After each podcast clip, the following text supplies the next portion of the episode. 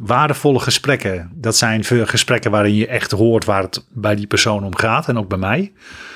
Ehm, kwetsbaarheid. Mensen gaan zitten bij mij, soms zeggen ze niks. Dat is ook prima en dan gaat het op de koffie. Maar er is een soort van verbinding. Maar er is ook een, uh, er ontstaan gesprekken over, met in ieder geval militairen, over missies of dingen die ze hebben meegemaakt. Of uh, dingen die ze eigenlijk vergeten waren. Oh, dat heb ik eigenlijk nog nooit verteld tegen iemand. Maar toen ik in Cambodja was, toen gebeurde het ministerie van Defensie. Een bedrijf met gepassioneerde, trotse en talentvolle mensen. In deze podcast verbinden wij deze mensen zodat ze samen sterker worden.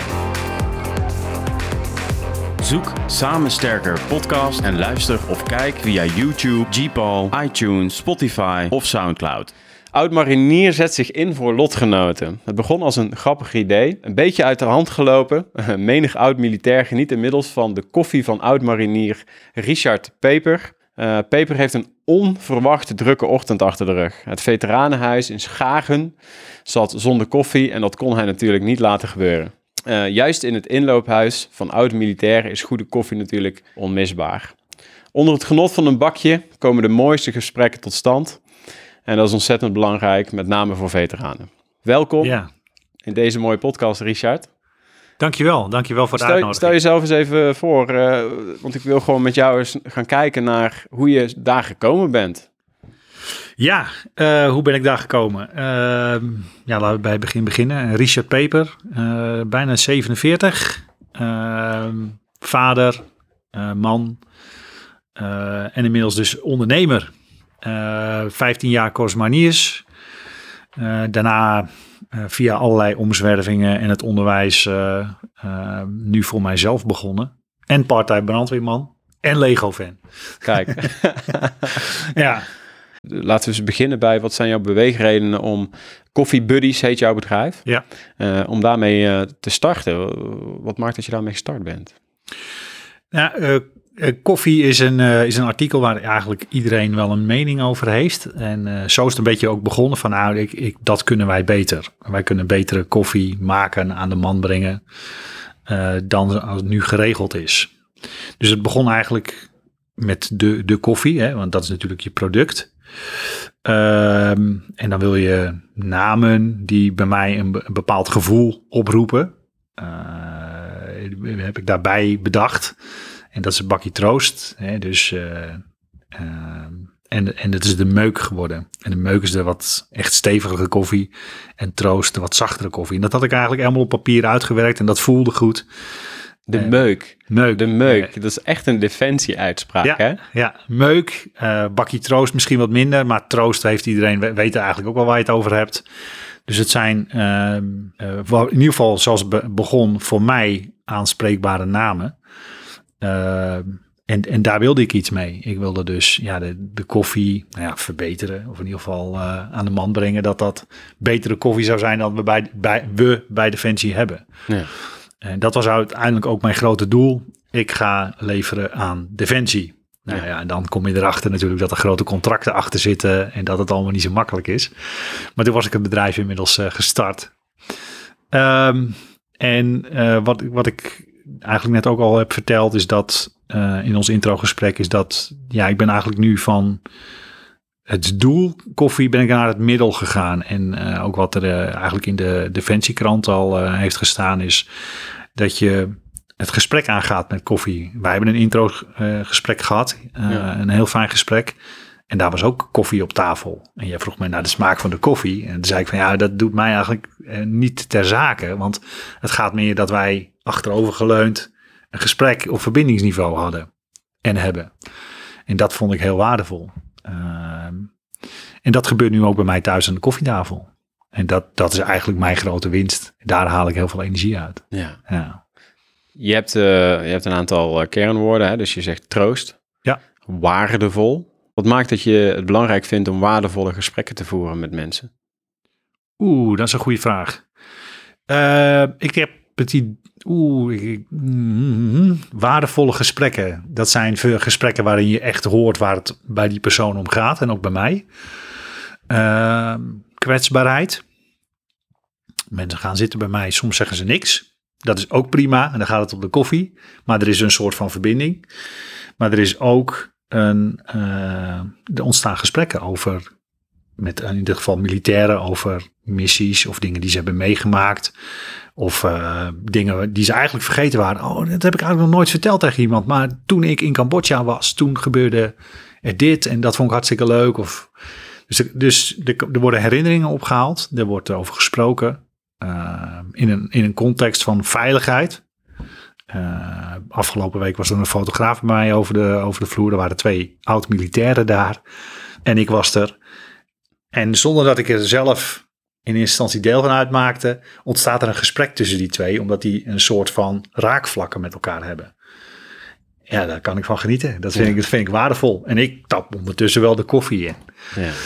Uh, dus dat, dat vind ik waardevol. Dus het uh, gaat over verbinding uh, en delen, denk ik. Ja. ja. En dat, uh, dat, dat gaat dan richting een soort van gevoelsniveau.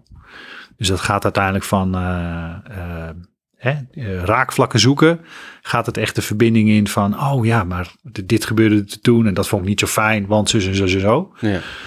Of juist wel. Uh, en, daar, en daarom zie je mensen ontspannen, uh, achteroverleunen, kopje in de hand houden.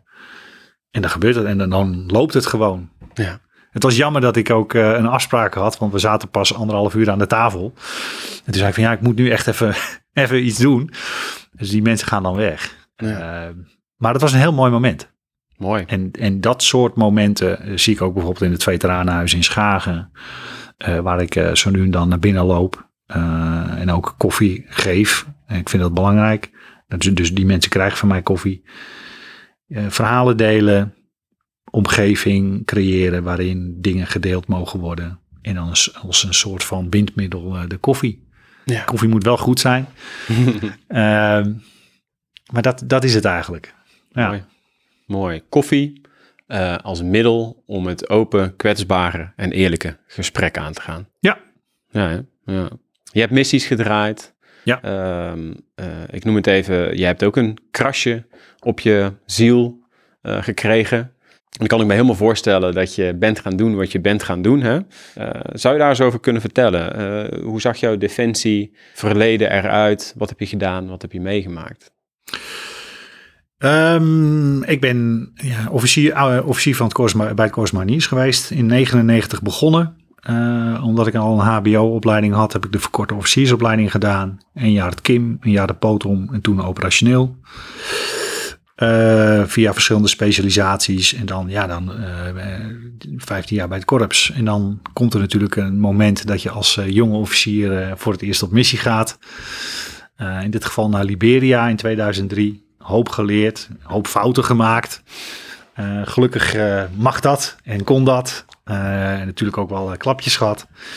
Maar, daar, maar van een missie denk ik dat je, dat je heel wijs wordt. Zowel in omgang met mensen als procedures als hoe, hoe een missie gaat.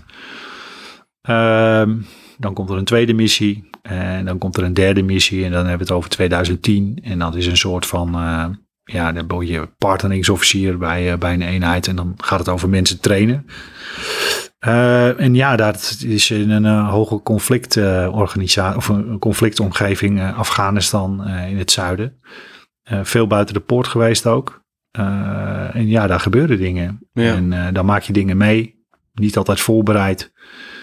wel getraind, maar niet voorbereid. En zeg ik dan altijd. En dan overkomen je dingen. Ja. Uh, en ik vind ook echt dat die bepaalde dingen je overkomen. Hè? Uh, en vooral ook hoe je daarna mee omgaat. En dat, uh, ja, dat heeft wel wat geleid tot frictie bij mezelf. normen en waarden. Wat is belangrijk in het leven? en ook past de organisatie bij mij? Pas ik nog bij de organisatie? Ja. dat soort essentiële vragen krijg je dan. Ja. En ik ben uiteindelijk in therapie geweest. Gelukkig, zeg ik altijd maar. Ja. ik hou niet van het stigma van therapie. Heel veel collega's of oud-collega's vinden dat toch heel lastig, hè? want dan krijg je een stempel. Ook ik heb dat gevoel gehad. Oeh, als ik nu in therapie ga, dan krijg ik een soort van stempel. Um, Misschien wel, misschien niet. Ja. Ik, eh, ik heb er heel veel baat bij gehad. Ja. En eh, het heeft me uiteindelijk ook verder, echt wel verder geholpen. Ja. Eh, in acceptatie dat bepaalde dingen er zijn. dat je je niet altijd op je gemak voelt. Altijd een piep in mijn oor. Ja, dat, dat is het dan. Ja. Ja. Zonder die therapie had ik hier nu niet kunnen zitten, om het zo maar te zeggen. Op welk moment kwam jij erachter dat het niet goed met je ging? Dat je dacht, ik moet echt aan de bel gaan trekken. Want het gaat niet goed met mij. Ja, dat was eerst het eh, moment eh, in Engeland dat ik in een opleiding zat. Dat ik daar eh, in een situatie belandde die voor mij overeenkomsten had met de situatie in Afghanistan. Mhm. En dat ik daar volgens algemeen geldende militaire protocollen, om het zo maar te zeggen, niet in overeenkwamen met, met wat ik daar eigenlijk moest gaan doen. Ja.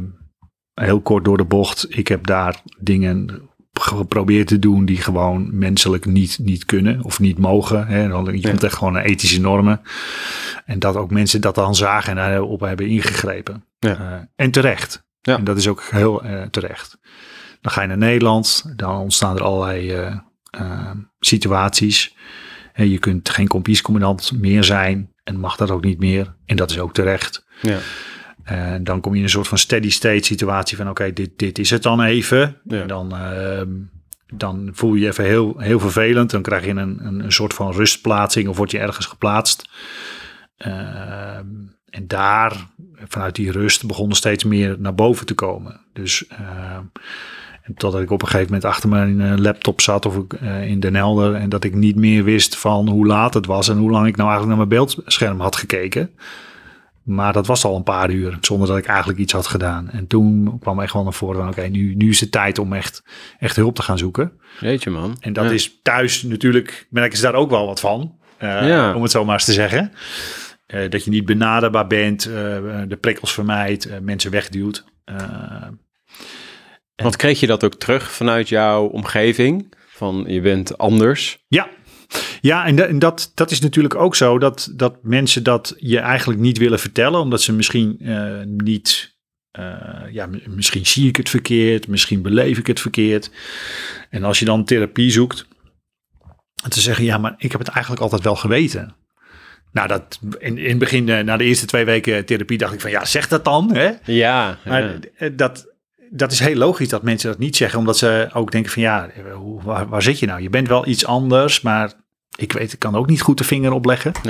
Dus dat heb ik die mensen ook nooit kwalijk genomen hoor. Nee, Eh, maar eh, ja, de omgeving heeft dat zeker gezien. En ook eh, dat het gezin anders op je gaat reageren, waardoor je dus zelf ook meer gaat afzetten of wat dan ook.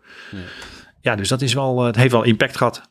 Ja, Ja. zeker waar. Hey, je geeft nu dat voorbeeld van eh, mensen wegduwen, lang eh, in een bepaalde situatie, bijna apathisch eh, naar je beeldscherm staren en de tijd verliezen.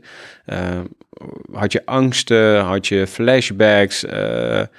als ik te ver ga, dan geef je je grenzen aan, Richard. Ja. Maar ehm, eh, wat ik natuurlijk ook hoop als mensen hier naar luisteren, dat ze denken van, ja, ik voel wel dingen en ik ervaar wel dingen, maar er is vast niks aan de hand. Maar als ze die voorbeelden horen, dat ze denken, hey, misschien is het toch handig om eens een keer aan de bel te trekken. Ja, het, ehm, het is een hele goede vraag. Wat ik me nog kan herinneren van die tijd, het is natuurlijk al een tijdje geleden, is dat er eh, altijd spanning was. Zowel in mijn, in, mijn, in mijn lijf als in mijn hoofd, maar ook richting andere mensen. Dus ik heb altijd een soort van spanning gevoeld. En of dat nou bij het voetbalveld was, of eh, op mijn werk, of thuis, er was altijd een soort van onrust, Ja, eh, prikkelbaarheid. ja, ja. En er was een. ehm, eh, je hoofd staat aan, dus je bent aan het piekeren. ja. Je zit in loopjes, eh, wat ten koste gaat van je slaap. Eh, ehm, nou, en als je slecht slaapt, word je moe wakker. Vicieuze cirkel. Ja, Spanning blijft. ja. En dat, dat is natuurlijk een, een, eigenlijk een, neer, een neerwaartse spiraal. Dus Ja. bij mij begon het echt met spanning in mijn lijf. Ja. En eh, verkeerd reageren op omgevingen. En ook gewoon dingen zeggen of doen die gewoon echt helemaal nergens op slaan. ja. Om maar gewoon een soort van eh, te chockeren en een soort van eh, overdrukventiel. is misschien wel een mooie... dus je een soort van ventieltje hebt en door maar gewoon dingen te zeggen en te doen, ben je even die spanning kwijt. Zo, en even, oh, klaar, hè, en, en weer door. Ja, Maar het- wat je dan zegt of doet, kan gewoon, is gewoon heel pijnlijk ja, voor je omgeving. Maar goed, ik ben het even kwijt. ja. Eh, dus daar zat hij voor mij. Ja. Eh, is dat duidelijk? Ja, genoeg? mooi, mooi, mooie uitleg. Hè? Eh, Vervelend. eh, sterker nog, verschrikkelijk vervelend. Ehm, maar ja, ja, ja. Hè, we hadden een voorgesprek. Hè? Ja. Ik, ik ben er altijd open over in de podcast. Ik herken ook dingen. Hè? Ook, ook wat krasjes, zoals we allemaal wel. En waarom zeg ik dit gewoon altijd? Omdat, ik weet niet of je het boek kent van eh, Peter Levine. Hè? Eh, dat gaat over trauma. Volgens mij is het eh, de Unleash, Unleash the Tiger. maar Dat gaat heel erg over, over trauma's. En ehm, eh, trauma's die, ehm, ik kan niet vaak genoeg zeggen, die kunnen heel klein zijn met een hele grote impact, maar die kunnen ook enorm zijn, zoals oorlogssituaties natuurlijk waar je in terecht gekomen bent. Eh, en er zijn zoveel mensen die eh, gebukt gaan onder spanning, onder angst, maar kunnen er de vinger niet op leggen. En daarom vind ik het heel waardevol dat je deze dingen, want ik herken ook een aantal van die dingen uit mijn leven. Ehm, ehm, en dan is het fijn om met collega's te zijn, hè? Ja. oud-collega's. Ja. En jij doet dat met koffie. Ik vind het geweldig. Hè? En iedereen doet het op zijn eigen manier met sport, met meditatie, met muziek, met van alles. Om, ja, dat is ook therapie. Hè? Ja, en dat, dat, dat is het ook. En, eh, en we hadden het natuurlijk ook voor een stukje therapie en goed op jezelf passen. eh, hè, wat je leert in therapie. Dat moet dan uiteindelijk een soort van interne eh, gedrag worden. Dat je je tijd moet nemen, je rust. Ja, we zijn allemaal militairen, we hebben allemaal, we zijn allemaal op uitzending geweest. Dus ja, die rust dat, eh, komt alleen het weekend. En dan heb ik twee Precies. dagen om bij te tanken. En, eh, en dan, gaan we weer. Ja, En nu merk ik ook wel eens gewoon, hè, de- jij belde mij van, hey, eh, we hebben nu tijd. Eh, ik kom net uit mijn 24 uursdienst bij de brandweer eh, eh, in Den Helder. Ik denk, oké, wacht even. Eh, dan moet ik even naar Breda, even naar Breda rijden. Eh, wat kost me dat aan energie? Oh, wacht even. Als ik dan ga rijden, dan zit ik na de file. Want Ja. file, dat, dat geeft onrust. Dat wil ik niet.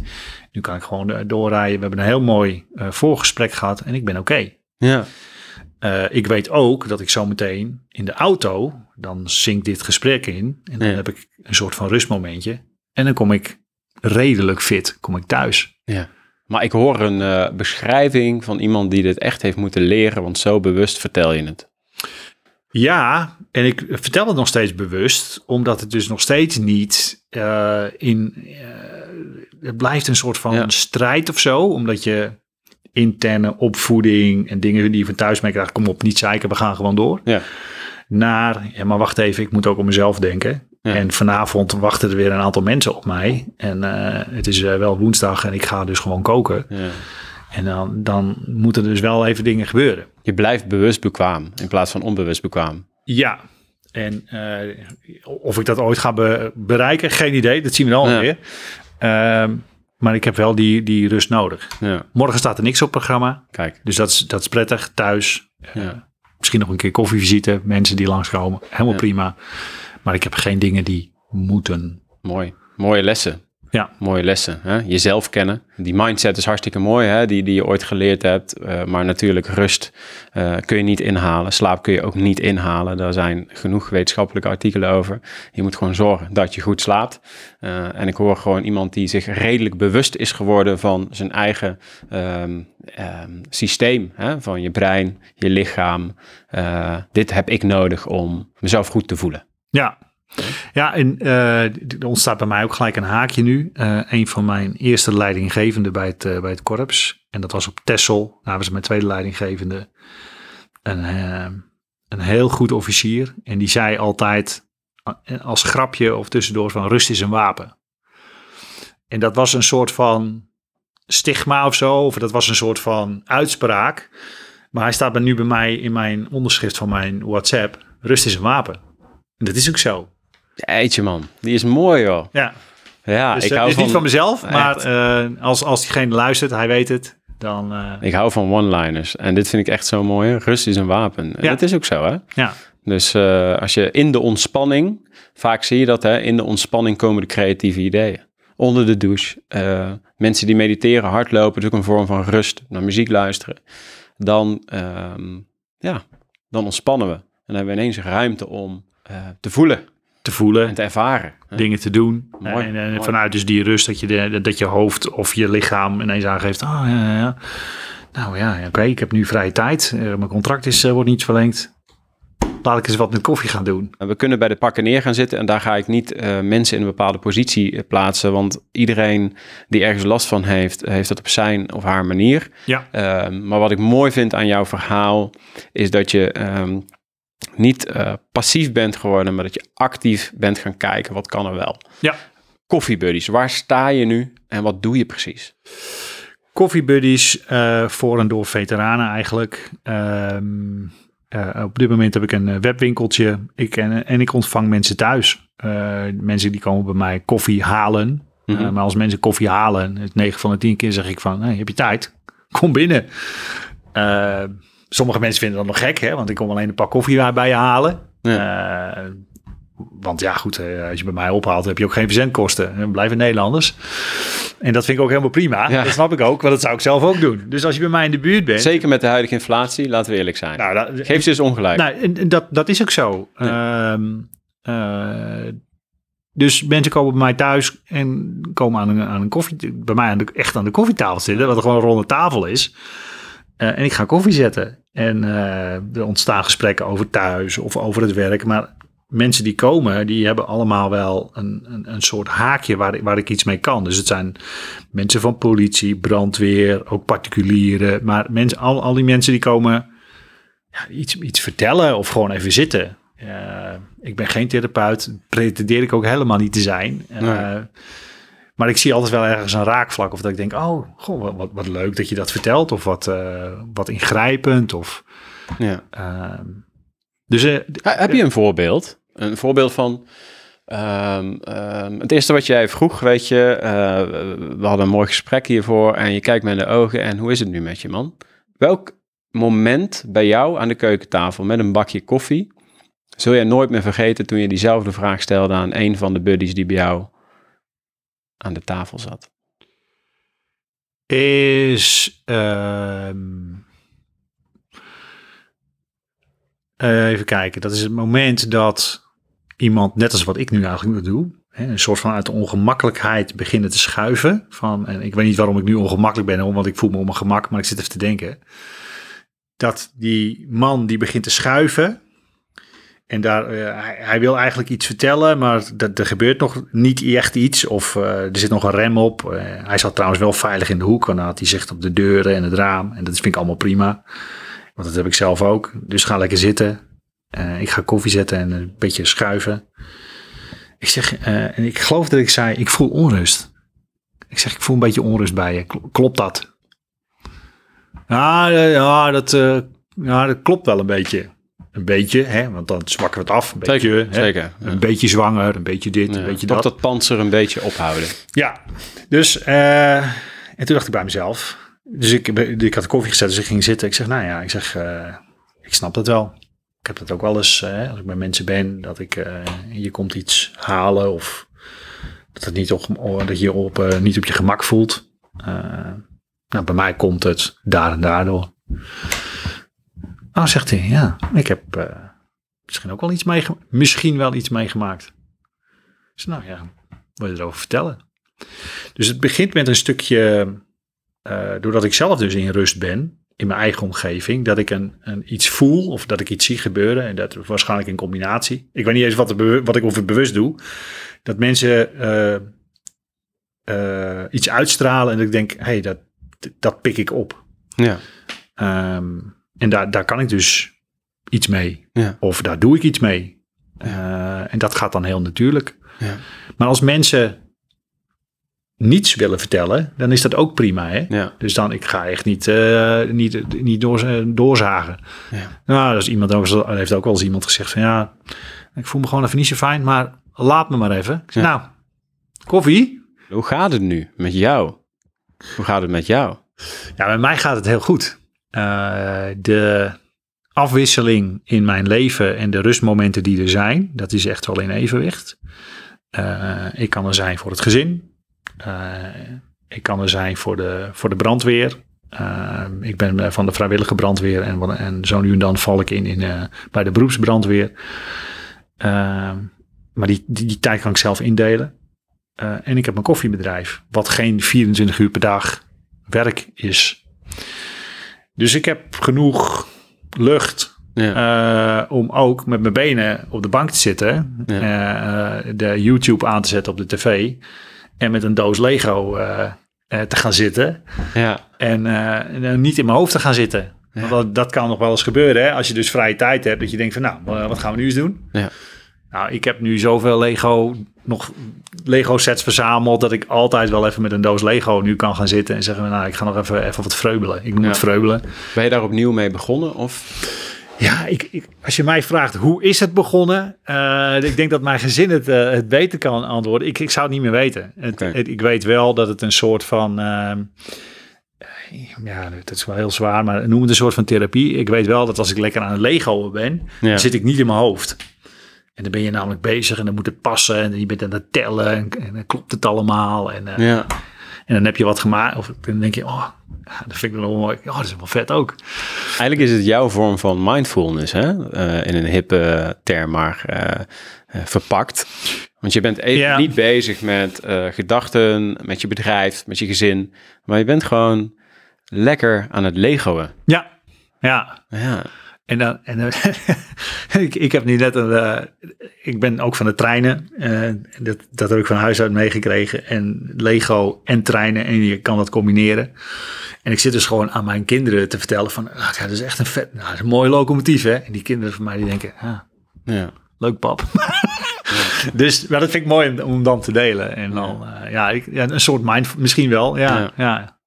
Ik kan me voorstellen dat je gezin ook ontzettend blij is dat het zo goed met jou gaat. Krijg je dat ook terug van je gezin? Of eh, is dat al eh, naar de achtergrond verdwenen? Wordt daar nog over gesproken? Goeie vraag. Ehm, ik denk dat de kinderen wel ervaren dat ik, eh, ik, ben nu zeg maar ook, eh, noem een beetje de huisman. Dus ik weet waar de kinderen zijn en waar ze huizen. Dat ik dat niet had, dan had hij een soort van controle. Nou, eh, vijf uur thuis of dan en dan. Of eh, weet je van zo'n zo'n zo'n protocol. hè? Ja, protocollen, want dat geeft houvast. En nu is er veel meer, denk ik wel, veel meer rust en balans in huis. Eh, de kinderen worden wel wat ouder, hè? dus het is, eh, ehm, het, het is anders. Ja, Eh, je bent ook niet meer dat je constant met die zorg bezig zijn. Je bent eigenlijk een beetje aan het faciliteren en zorgen dat de koelkast gevuld is. ja, ja, ja. Bij wijze van. Ehm, Een soort regisseur. ja, ja en dat, Ja. Dat, dat past mij ook wel goed. Ja. Eh, dus in die zin is er ook wel rust in huis. Ja. Mooi. En eh, door eh, de voetbalschema's en weet ik het allemaal, eten we niet meer al, soms niet helemaal allemaal tegelijk. En dat probeer ik natuurlijk wel. Want Ja. juist aan die tafel van eh, wat gaan we doen met de kerstvakantie? Wat gaan we daar, daar niet doen? Drink je zo koffie of niet? Nee. nee, nee, nee, nee, nee. Nou, nou, de oudste die heeft, eh, die heeft eh, wel, eh, wel al een paar keer koffie gedronken. En dat komt ook omdat opa en oma koffie drinken. Dus dat, dat gebeurt dan wel, maar het, het hoeft niet. Ehm, nee, maar dit, antwoord op je vraag. Wordt er al nog wel over gesproken? Ja. Er zijn momenten die, die voor mij nog steeds wel impact hebben. En ik hou het even bij mezelf. Is dat 4 mei vind ik altijd nog wel een dingetje. Ja. Dodenherdenking. Dus dat, dat, dat komt automatisch ieder jaar weer terug. Ja. Maar de kinderen weten dus ook wat dat voor mij betekent. En ze weten dus ook dat ik eigenlijk die, die 4 mei, eh, vanaf het eind van de middag tot, eh, tot de avond, dat, dan, dat is echt wel een beetje een soort van lastig of zo. En dat vind ik nog steeds een, eh, een ding. Ik, ik, Kun je dat eens ondertitelen? ja, het, het- is een soort van eh, een berg die je dan opwandelt. En dan eh, na acht uur, na die twee minuten en eh tap toe is geweest, eh, dan ga ik die berg weer af. Ja. En dan kan ik ook om kwart over acht zeggen, kom we gaan film kijken. Oh joh. Ja. Dus het is een soort van eh, spanning die opbouwt tot acht uur. En dan heb ik dat meegemaakt. En dan is, de, is daarna is het weer is de weg of zo. Eh, Je bent dus je er wel heel bewust van, als ik je zo hoor. ja, ja, ja dat, daar ben ik me heel bewust van. Maar doordat ik een soort van eh, onrust creëer bij mezelf, Ja. dat straalt natuurlijk ook af. En nou heb ik één gezinslid die dat soort dingen heel fijn oppikt. Kijk. Eh, en daar, ehm, nou ja, dat is niet altijd even, even goed, hè, want dat, dat hoeft niet. Het is niet van dat gezinslid, om het maar even cryptisch te houden. Maar dat is van mij. Ja. En eh, ik vind ook niet dat andere mensen mee moeten gaan in mijn emotie. Nee. Eh, dat kun je best zeggen, van, nou eh, pap, leuk, leuk dat je zo bent. Maar ik ga lekker kleien of ik ga lekker tekenen.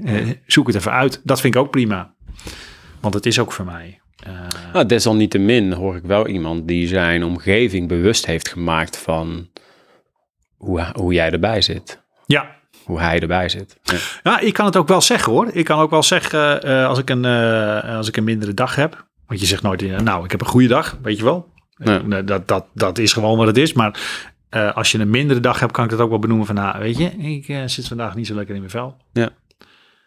En dan wordt de boog om mij heen wordt gewoon iets groter. Ja. En dat vind ik helemaal, helemaal niet erg. Krijg nee, ruimte.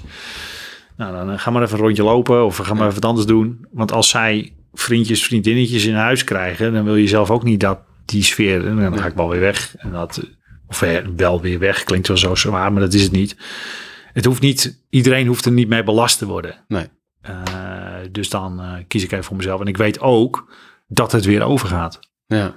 Ik weet ook dat eh, prikkels weer weggaan. Dus Cessa. Zo is het. Ja. Ja. Gedachten zijn eh, niet altijd waarheid. En ja, alles wat je voelt, daar komt ook weer een einde aan. Dat is zo. Ja. En dat is soms heel moeilijk eh, in het moment zelf. Hè? Ja. Ehm, mooie boodschap. Hey, en ehm, jouw huidige banden met Defensie. Want die, ehm, ik, eh, ik las eh, dat je aan de vloot en aan de marine en overal wordt jouw koffie gedronken. Dus die banden zijn nog steeds warm. Zou je daar eens kort over kunnen vertellen? Daarnaast, een groot gedeelte van jouw winst gaat ook naar, help me even, Stichting Mariniers Ziekenboeg. Stichting Mariniers Ziekenboeg. Ja, prachtig. Kun je daar eens over vertellen? Dan kunnen we langzaam een beetje naar de adaptieve krijgsmacht eh, kabbelen. Ja, gaan we doen. Eh 2014 de dienst uitgegaan. En eigenlijk niets meer met Defensie te maken. Anders dan dat ik in een wijk woon, eh Julianendorp, waar natuurlijk veel marinemensen zijn of oud-collega's wonen. Eh, Ooit was volgens mij bijna heel dat dorp alleen maar marine, toch? Ja, eh, en dat, dat, dat is natuurlijk nog steeds een grote werkgever in de regio, dus dat is er nog steeds. Eh, maar eigenlijk niet zo heel veel met Defensie gedaan. Ook, ik ben ook niet naar een reunie geweest of zo. Niet omdat ik er niet wilde, maar ja, dat liep gewoon zo. Dat was gewoon wat het was. Dat was zoals het was. Ja. En met de koffiebusiness, en ik heb natuurlijk, ja goed, de mensen op Facebook, eh oud-collega's, dat is natuurlijk wel zo wat, Ja. wat blijft. Ehm, eh, ja, als je dan iets begint, eh, dan reageren daar mensen op. Dat had ik eigenlijk een beetje onderschat. Want ik had gedacht van, nou ja, ik, ga s'avonds ga ik live. Dus echt waar. Ik ging s'avonds ging ik live met mijn website. Ik zeg, ik ga nu ook niet kijken wat het doet. Ik had, ik had het ik had dat liggen. Ik denk, weet je, volgens mij wordt het helemaal niks. Maar goed, ik druk toch op die live knop. Ik ben gewoon naar bed gegaan. Ik denk, wie, wat er morgen gebeurt, zie ik dan wel weer. En, eh, en ook nooit nagedacht dat ik dan dus, dan dus werk zou hebben. Dus ik, de volgende dag, ik open mijn eh, webwinkeltje. Ik denk, ah, hè? Ik ben uitverkocht. Oké. dus eh, dat, was, dat was een hele, hele, hele gekke start. Maar dat kwam dus doordat eh, heel veel oud-collega's dat zagen. En ook de, de tekst of, eh, of, of wat ik ermee wilde. eh ze aansprak. Maar het is misschien ook, eh, wat, natuurlijk in het begin ook is, is een soort van gunfactor. Hè? Van, oh ja, er is een oud-collega die begint iets. Nou, laat ik, even, laat ik hem even helpen. En dat snap ik ook. Eh, zou ik zelf ook doen. Ehm, dus eh, zo begint iets. En vanuit dat netwerkje van mensen bij Defensie en iedereen kent iedereen. En zo ben jij ook op mij gekomen. Want, Zeker. Dus Ja. dat is toch een netwerk wat ja, stabiel is of zo. En eh, ook al ga je dus de dienst uit. Ik heb met heel veel oud-collega's die inmiddels ook al de dienst uit zijn, heb ik gewoon nog heel goed contact. En Ja. ik ben nu ook voor het eerst op reunies geweest. En ik denk, weet je wat, ik gooi even een paar dozen koffie achterin. En dan zeggen ze, hey, je bent van de koffie. Kan ik een paar eh, zakken bij je halen? Nou, Dus, uh, en, en, zo, en zo gaat dat. Uh, dus dat netwerk is er, blijft er, maar het biedt ook weer kansen. Ja, heel mooi. Ja, en zo zie je ook hè, wat broederschap doet. Ja. ik schreef er zelf laatst, ik had mijn reunie 15 jaar na Afghanistan 2006. En ik schreef een stukje over broederschap. Als je dan de jongens weer allemaal ziet, is het net alsof de tijd stil heeft gestaan. Al was het voor mij 15 jaar later. Um, wat dat niet doet, hè, en dan inderdaad ook, uh, en dat slaat er ook wel een beetje hierop, is dat heel veel van de jongens, ja, we reageren op social media eigenlijk niet zo op elkaar. Maar iedereen wist precies van, hey, jij bent met dit bezig. En jij bent met dat bezig. Dus we weten het wel van elkaar. Hè? Dus stiekem volgen we elkaar wel gewoon een beetje op de zijlijn. En vooral als je elkaar dan in de ogen aankijkt, zeker met wat jij doet. Ja. Hey, kan ik niet een zak koffie van jou krijgen? Ja, dat is natuurlijk geweldig. Hè? Ja, en uh, daar even op inhakend. Um, er gebeurt iets uh, bij mensen zodra ze de dienst uitgaan. Uh, of dat nou met FLO is of gedwongen of gewoon zeggen na 14, 15 jaar het is genoeg geweest. Dan gaat er een soort van, hè, er gaat een deur dicht, maar er gaat ook een keurslijf af. Ja.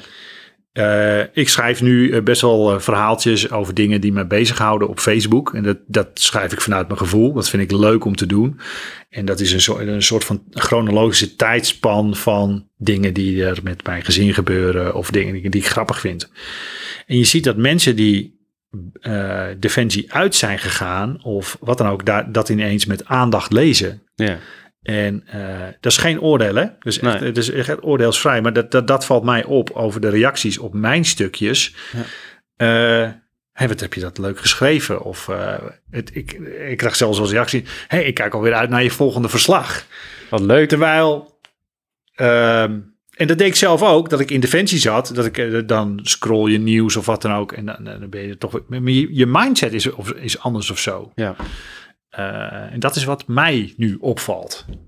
Is dat dan dat, ik vul hem nu een beetje in, hè, en, um, filosofeer vooral mee, maar uh, is dat dan dat mensen eigenlijk wel een beetje uh, het defensiewereldje missen en daardoor komt het defensiewereldje weer even terug?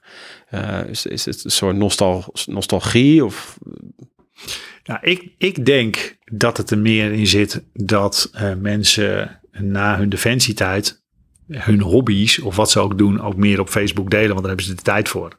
Ja. ja. Dus uh, ik wist van bepaalde mensen niet dat ze schilderden. Ik ben leidinggevende geweest van een, uh, van een onderofficier en ik wist niet dat hij schilderde.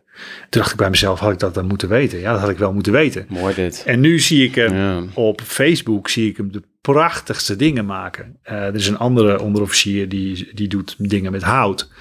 Waarvan ik denk, hey, dat wist ik helemaal niet van jou. En nu heb je daar dus waarschijnlijk de tijd en de ruimte voor om dat dus te doen. Uh, dus, dus dat is een soort van, uh, misschien een juk wat afgaat, ja. maar ook dat je er tijd voor hebt. Uh, en dat je dus echt jezelf laat zien. Wat is de les die je dan uithaalt? Dat ehm, als je jonge pelotonscommandant bent en je gaat een teambuilding doen met, met je mensen, het is heel praktisch, hè? Ja, kom maar op. Uh, zeg maar, uh, vraag maar, wat is je, wat is je hobby? Ja. Wat is, wat is jouw hobby? Waar word jij nou blij van buiten, buiten Defensie? Omdat?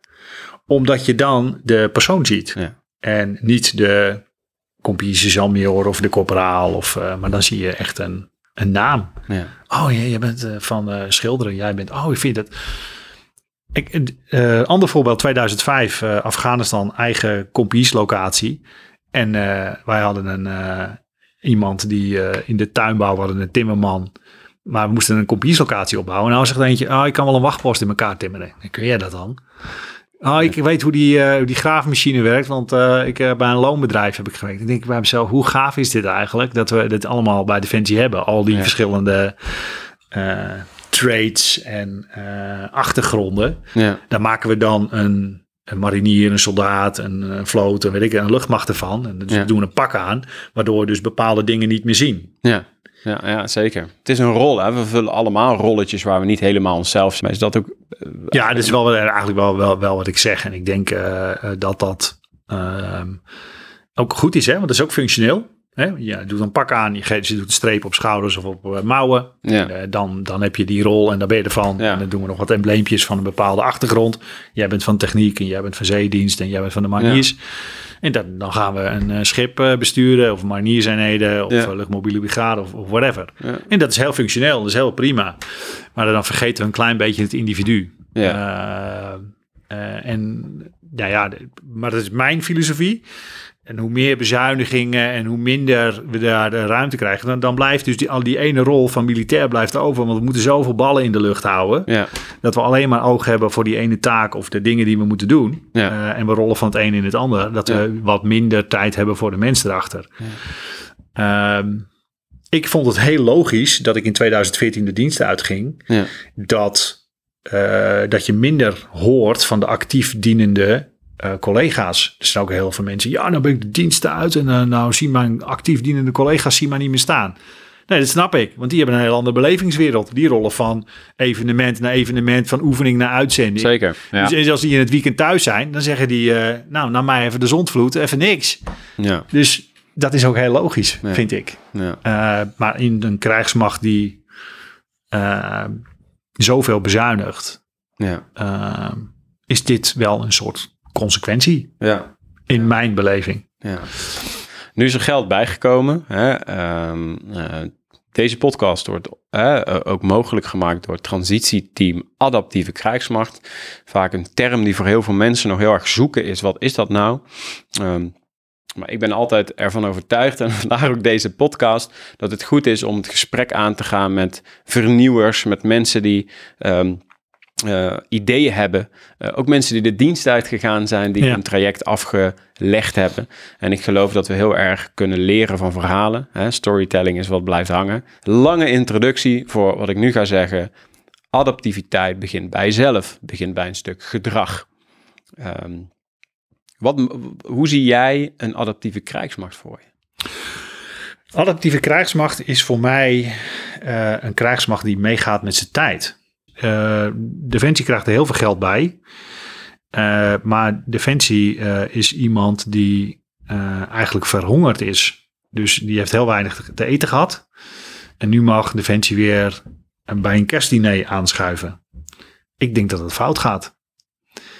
Want als iemand verhongerd is en dan bij een kerstmaal gaat aanschuiven, dan krijg je daar problemen mee Ja, in, in zijn systeem. Want die heeft zo lang ehm, met heel weinig voedsel te maken gehad, dat Ja. dat niet goed is voor het lichaam. ja, ja een mooie metafoor, denk ik wel. Ja. Deze is ook niet van mij, maar eh, de, hier heb ik een uitleg over gekregen. En toen dacht ik bij mezelf, ja, dat is, dat is eigenlijk precies wat het is. Dus Defensie moet leren weer eh, te innoveren. Want als jij zo ver moet bezuinigen, dan wil je niet op je slagkracht bezuinigen, maar op allerlei randvoorwaarden. En dat kan zijn innovatie, dat kan zijn samenwerking. Ja. Dat zijn de eerste poppetjes waarvan je denkt, ja, dat, dat gooien we buiten boord, denk ik. Ja.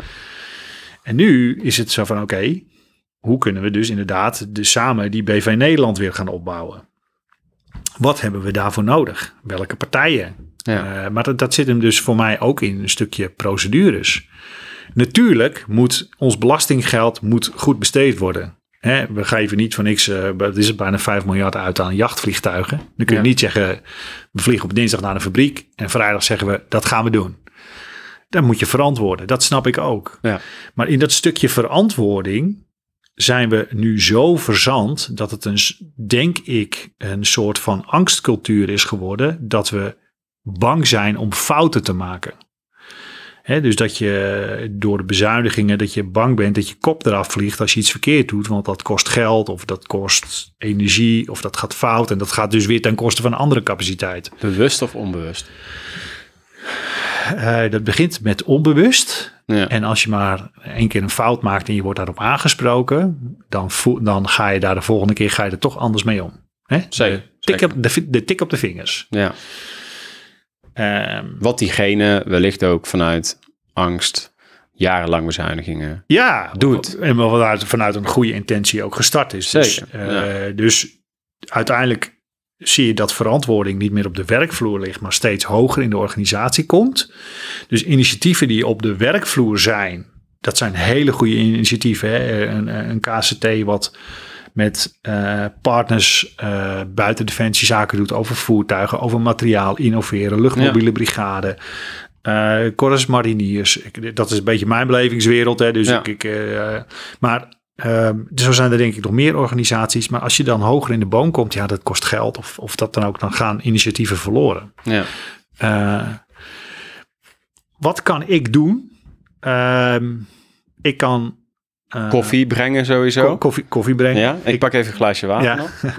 Ik kan, ik kan ehm, want ik heb nu over defensie gepraat, maar daar ben ik niet meer van. Ik, wat kan ik wel doen, is eh, kijken, wat, wat, wat kan ik doen? De geestelijke verzorging van de marine in Den Helder neemt zo nu dan een pak koffie van mij af. Want Daar hebben ze dan een beetje geld voor en dat gebruiken ze als relatiegeschenk. Mhm. Prima. Ja. Zou ik meer willen leveren? Natuurlijk wil ik meer leveren. Maar eh, het gaat er ook om van wat ik wel kan doen. Ja. Ik, ik kan niet de hele defensie op dit moment leveren. Dan kan ik denken, ja, ik kan niet leveren. Ja, huh? of eh, defensie. Of ik kan zeggen, hè, waar we het in het introgesprek over hadden. Wat kan ik wel? Waar heb ik wel invloed op?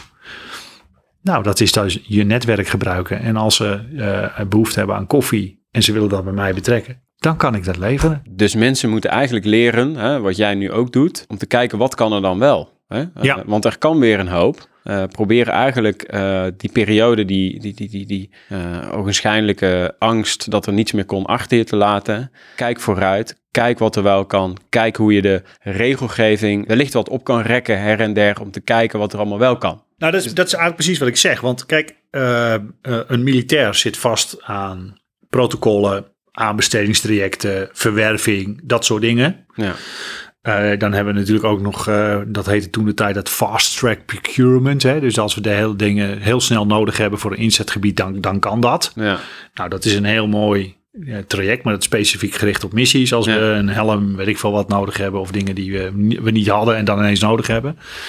Eh, maar het vraagt iets van defensie, dus laat je militaire pak en je protocol iets los, want je hebt een vraag eh, aan, een, aan een burgerbedrijf of eh, laten we iets moois gaan doen. Ja. Dus je kan wel zeggen, ja, maar ik, heb, ik ben militair en ik heb dit en dit nodig. Nou, dat kan. Maar je kunt ook naar de, eh, naar de markt gaan kijken en zeggen van, hé, hey, misschien kom eens met innovatie, kom eens met ideeën. ja, Of het gebeurt, weet ik niet, maar zo stel ik me dat voor. En van de burgerpartij wordt dan ook gevraagd, ja, maar Defensie kan nooit iets. Ja. Ja, dat is, jullie vragen wel weer het onderste uit de kan. Ja, dat is logisch, want het gaat over heel veel geld. Ja. Die kan er ook opstellen van ja, inderdaad wat ik net zeg, eh, er kunnen dingen niet. Maar je kan ook zeggen, ja, er kunnen dingen wel. ja. Dus eh, dat vraagt ook iets van mij. Ja. Ik kan wel heel te zeggen, ja, maar Defensie, dat is zo'n moeilijke klant. Of ik kan zeggen van, de geestelijke verzorging in Den Helder neemt bij mij vier pakken koffie af. Wauw, wat fijn. Vier pakken koffie, dat is, dat is beter dan niks. Zo is het. Ja, En dat vraagt dus ook aan mij, mijn kant een stukje aanpassing. En laten we elkaar dan vinden daar in het midden. Eh, ja, uniform uit. Eh, jij met je, met je commerciële gedrag, noem ik het maar even. Ook even over de, wat, wat willen we nou bereiken? ja, Waar kunnen we elkaar vinden? ja. Eh, en ik zit helemaal niet in de commerciële kant, vind ik zelf. Natuurlijk moet er een beetje geld verdiend worden. Maar ja, laten we het zo eens doen. Mooi. Eh, zijn er nog bepaalde dromen? Eh, waar gaat Coffee Buddies heen? Ja, er zijn zeker dromen. ik eh, wil eigenlijk een aantal belevingswerelden bij elkaar gaan brengen. Ik wil een oud brandweerwagentje. En daar zit een, uiteraard een, een watertankje in, hè, zoals je weet. Nou, daar kun je dus gewoon water in doen. Als je daar nou eens een koffiezetapparaat aan de buitenkant tegenaan bouwt. En eh, zeg maar de, de, apparatuur eruit haalt. Dan heb je heel veel opbergrekken. En daar douw je een paar defensietafels en eh 50 klapstoelen in.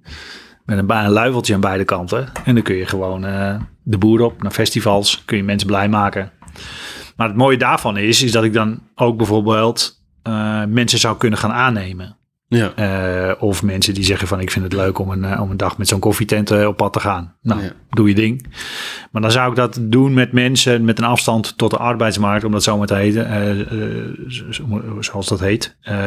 Defensie, politie, brandweer en de zorg. Dat vind ik een, Ja. een vier-eenheid. Die mensen die nou, best wel een soort van belasting hebben ondervonden. Ja. Nou, kom bij mij. Zeker afgelopen jaren natuurlijk. Ja, maar kom bij mij werken, eh, kom bij mij eh, op tijden dat het jou uitkomt. Ja. Komt dan bij mij koffie branden, inpakken, eh, koffie rondbrengen. Gaaf man. Dat is wat ik wil. Ja. En daarnaast wil ik eigenlijk een, eh, een ruimte, een soort koffietentje wat prikkelarm is. Waar ook hè, mensen die dat leuk vinden, die kan aan leren koffie zetten. Maar dat ze ook een kind of een kleinkind meenemen en dan kunnen gaan legoen. Dus je kan koffie drinken bij mij Ja. en tegelijkertijd Lego bouwen. Ja, dat is mijn ultieme droom. Eh, ik weet niet of dat gaat aanslaan, geen idee. Maar dat, dat, dat, dat eh, je vraagt naar mijn droom, dan is Ja. dat mijn droom. Dat zou ik eh, willen proberen. Hè, dus, dus je bouwt een uurtje, daarna doe je het in een doosje, zet het in de kast en dan kom je volgende week kom je weer terug, of over Ja. twee weken. En dan kom je weer eh, en dan zeg ik, hey, eh, weet je nog hoe je, je een latte macchiato moest maken? Nou, maak maar even een latte macchiato. Nou, Ja, dan kun je top. zelf je latte macchiato maken en dan pak je, ga je zitten, zacht muziekje aan en dan kun je een beetje gaan leeghouden. ja. Dat is wat ik wil. Zijn er nog dingen die, vragen die ik jou niet gesteld heb? Eigenlijk. Eh, Boodschap die je nog hebt. kijk naar elkaar om. Hè? Dat, ehm, zoek elkaar even op, actief dienend, postactief. Ga met elkaar even een kort gesprek aan. Ja. En natuurlijk gaat het dan even over werk en, eh, en eh, stoere verhalen. Ja. Dat vind ik ook goed. Dat hoort er ook bij. Zeker op een reunie. Maar je kunt ook gewoon even vragen inderdaad van... Hey, hoe is het nou met jou? Ja. En eh, die stichting die ik dan ondersteun... die doet dat. Allerlei vrijwilligers die komen aan de deur met een fruitmandje... een, een, een pak koffie, een kaart. Ja. Mariniers, oud-mariniers die in de, even in de lappenmand zitten. Hè, dus je, je voelt je even niet lekker... en dan ligt er ineens een kaartje van de stichting op, eh, op de grond. Hey, eh, beterschap. Ja. Nou, dit, ik weet wel wat dat met mij doet. Ja. Eh, dus kijk wat meer naar elkaar om. Ja. Richard, ik wil je ontzettend bedanken. Echt een super fijn, mooi gesprek met je.